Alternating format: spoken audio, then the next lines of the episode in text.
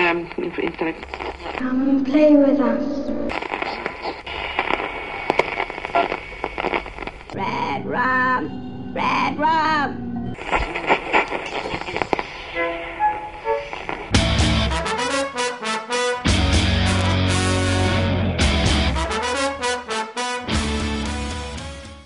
What would happen if Stephen King joined the X Files? The terror is out there when Fox presents a television event, an episode of The X Files written by Stephen King. It sounds to me like witchcraft. Moja przygoda z serialem z Archiwum X rozpoczęła się 20 marca 1996 roku. Kończyłem wtedy drugą klasę liceum i skacząc po kanałach telewizyjnych zatrzymałem się na czymś nowym, innym i tak absolutnie świeżym.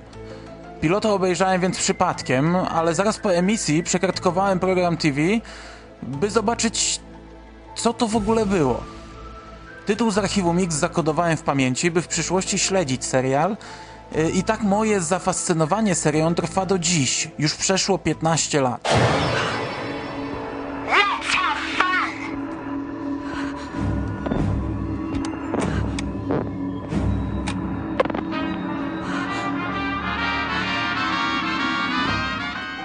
Skłamałbym jednak, gdybym powiedział, że od razu stałem się X-Filem. Nie.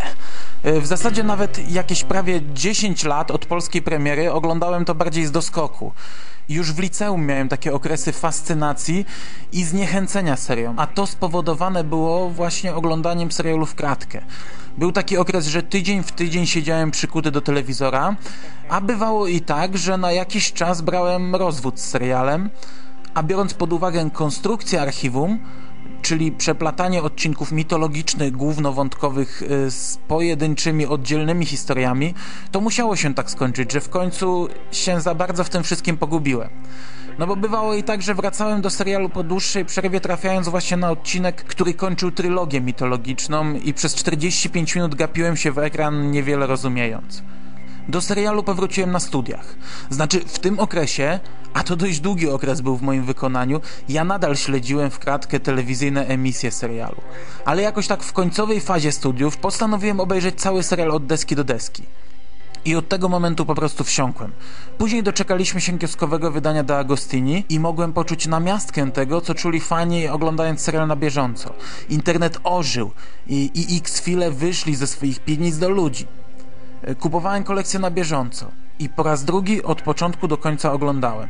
Nie był to tani zakup, bo każda książeczka kosztowała 25 zł, co dawało wydatek 100 zł miesięcznie. A ja wtedy byłem zaraz po studiach i zarówno ja, jak i moja przyszła żona, co teraz wydaje mi się nie do pomyślenia, a w końcu do bogaczy nadal nie należę, zarabialiśmy wspólnie niecałe 1500 zł. Potem trochę żałowałem, że kupowałem wydanie gazetowe, bo nie przepadam za tymi wszystkimi kolekcjami. Ja póki co cały czas mieszkam w kawalerce, a, a samo archiwum zajmuje mi całą półkę. Imperial ostatecznie wydał też cały serial i choć wcześniej obiecywali gruszki na wierzbie, to ostatecznie Imperial jak to Imperial. Wypuścił to co zwykle, pakiet minimalny za maksymalną cenę.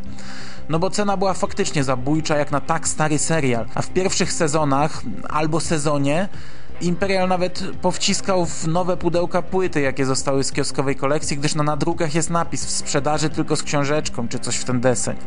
Wydanie nie jest idealne. Jak ktoś lubi oglądać filmy z lektorem, to ten zmienia się po piątym sezonie na takiego, co brzmi jak w wydaniach ze stadionu.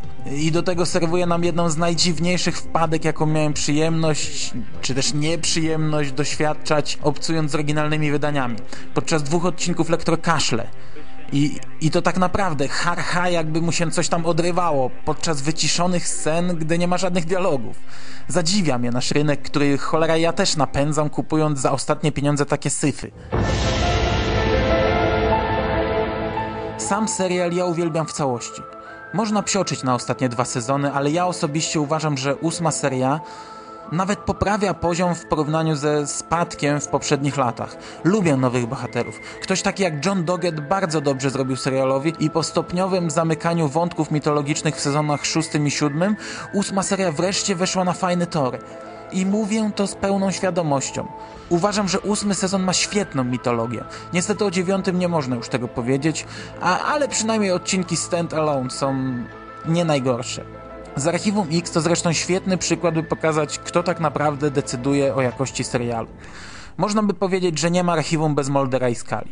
Ale właśnie archiwum pokazuje, że da się ciągnąć serial bez głównych aktorów. Taka sztuka udała się tylko w Robinie Sherwood, który trzymał poziom pomimo odejścia tytułowego aktora. Wystarczy spojrzeć, co w tym roku działo się z serialem Nie z tego świata. W spolszczonym angielskim Supernatural. Trzy lata temu zmarł Kim Manners, jeden z podstawowych twórców obu seriali, a po piątej serii odszedł ojciec Supernaturala, Eric Kripke. Stacja postanowiła dojść tę krowę dalej i pałeczkę głównego dyrygenta dostała dotychczasowa asystentka Kripke.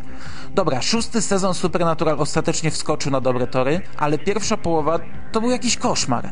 I na przykładzie tych dwóch seriali widać, co się dzieje, gdy odchodzą główni aktorzy, a co się dzieje, gdy odchodzi twórca. Bo Supernatural właśnie pokazuje, jak wyglądałoby archiwum bez Cartera. Na pewno znacznie gorzej niż bez Duchownego i z Anderson w tle. Przejdźmy jednak wreszcie do głównego tematu audycji, czyli odcinka Chinga.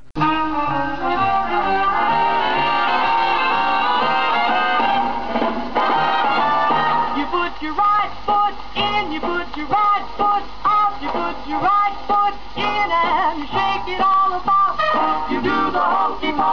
and you turn yourself around.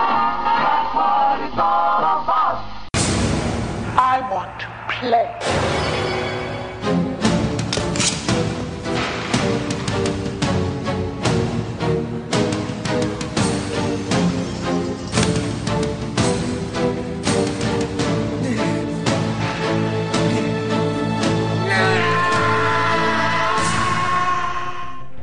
Bez względu na przyjętą numerację, bo przypominam, że archiwum miało dwie numeracje, telewizyjną i oryginalną, która jest na DVD, jest to dziesiąty odcinek piątego sezonu. I co w nim takiego wyjątkowego? Ostatecznie prawie nic, ale z założenia było to coś mocnego, bo za pióro chwycił Stephen King.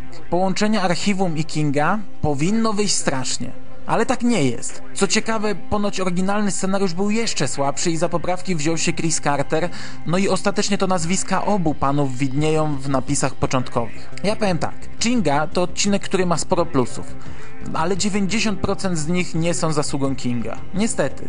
Do tej pory widziałem ten odcinek, trudno powiedzieć, ale załóżmy, że jakieś 5-6 razy. I za każdym razem oglądało się go gorzej. Owszem, za pierwszym razem nieźle mnie nastraszył. Lalki i dzieci odpowiednio pokazane w horrorze potrafią przerazić widza. I tu jest kilka takich rzeczy mm, przerażających to stanowczo za mocne słowo, ale niepokojących. Te kilka wstawek z głosem laleczki, jej I want to play oraz płaskie dwuwymiarowe duchy na szybach mają klimat.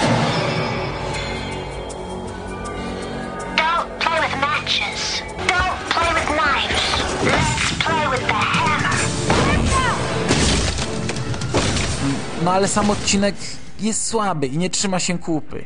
Przynajmniej jeśli mówimy o rozwiązywanej sprawie, bo Chinga ma też smaczki, dzięki którym trafia do serc i pamięci fanów. Mam tu na myśli genialnie zarysowane relacje między Molderem i Skali. To jest coś, co trafia do tych najwierniejszych fanów, którzy śledzą serial od początku.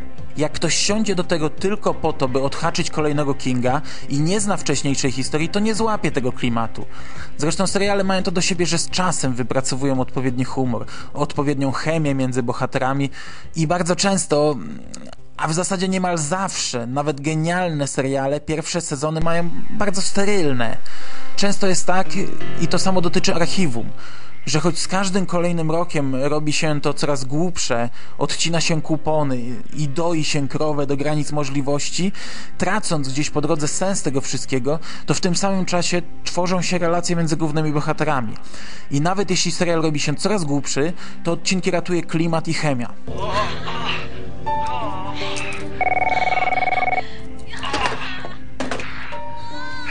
Mulder, Mulder, it's me. I thought you were on vacation. I am. I'm, I'm up in Maine. Oh, I thought you said you didn't want to be disturbed. You wanted to get out of your head for a few days. I don't. Uh, I mean, I do. I... What are you watching, Mulder? It's the world's deadliest swarms. Um, you said you were going to be unreachable. Like evidence of conjury or the black arts or shamanism, divination, Wicca, or any kind of pagan or neo-pagan practice? Charms, cards, familiars, bloodstones, or hex signs, or any of the ritual tableau associated with the occult, Santeria, Voodoo, Macumba, or any high or low magic? Scully, Yes? Marry me. O ile mnie pamięć nie myli, w całym archiwum są trzy odcinki, w których Mulder i Scully zostają rozdzieleni i kontaktują się ze sobą telefonicznie.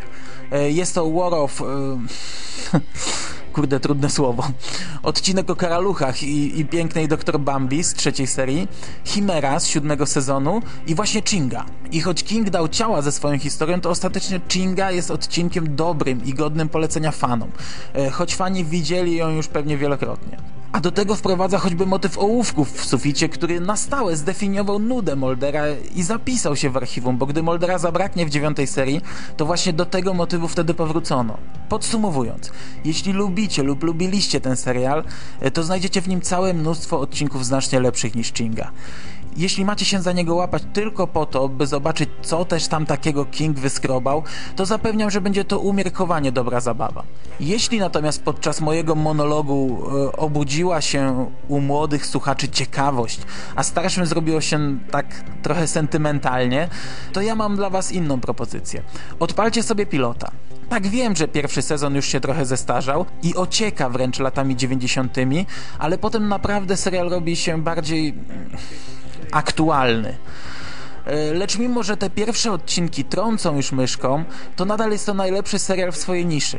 Od lat próbuje się zrobić klon archiwum i na próbach się kończy. Włączcie sobie pilota, potem przejdźcie do Deep Throat, następnie świetny Squeezy z genialną rolą aktora znanego choćby jako Percy z Zielonej Mili czy Horacy z Lost i tak dalej. Po 106 genialnych odcinkach dojdziecie do Chingi. I dopiero wtedy docenicie, jak wiele zalet miał ten odcinek. Ja aktualnie po raz trzeci w ciągu ostatnich 6-7 lat robię sobie maraton powtórkowy z archiwum. Jestem w tej chwili w połowie szóstego sezonu, choć jak podcast trafi do sieci, to pewnie będę już po wszystkim. I nadal ogląda się to świetnie. Prawda nadal gdzieś istnieje, a ja mimo 32 lat na karku ciągle chcę wierzyć. Witam jeszcze raz. Z tej strony znów Mando, tylko starszy o jeden dzień od swojego przedmówcy.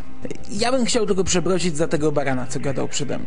Chłopie, przez 10 minut nawijasz o serialu, mówisz o straszeniu, czy braku strachu, o lalkach, o postaciach, a nie mówisz o jednej z najważniejszych scen w historii całego serialu y, i jednej z największych scen w historii telewizji, czyli skali w wannie. No losie, ten argument zamiata wszystko i zamiast męczyć ludzi recenzjami i niekończącymi się wywodami, wystarczyło cały monolog zamknąć w jednym zdaniu. W tym odcinku jest scena kąpieli z boginią w telewizji. Oglądać, nie gadać. Wszystko w temacie.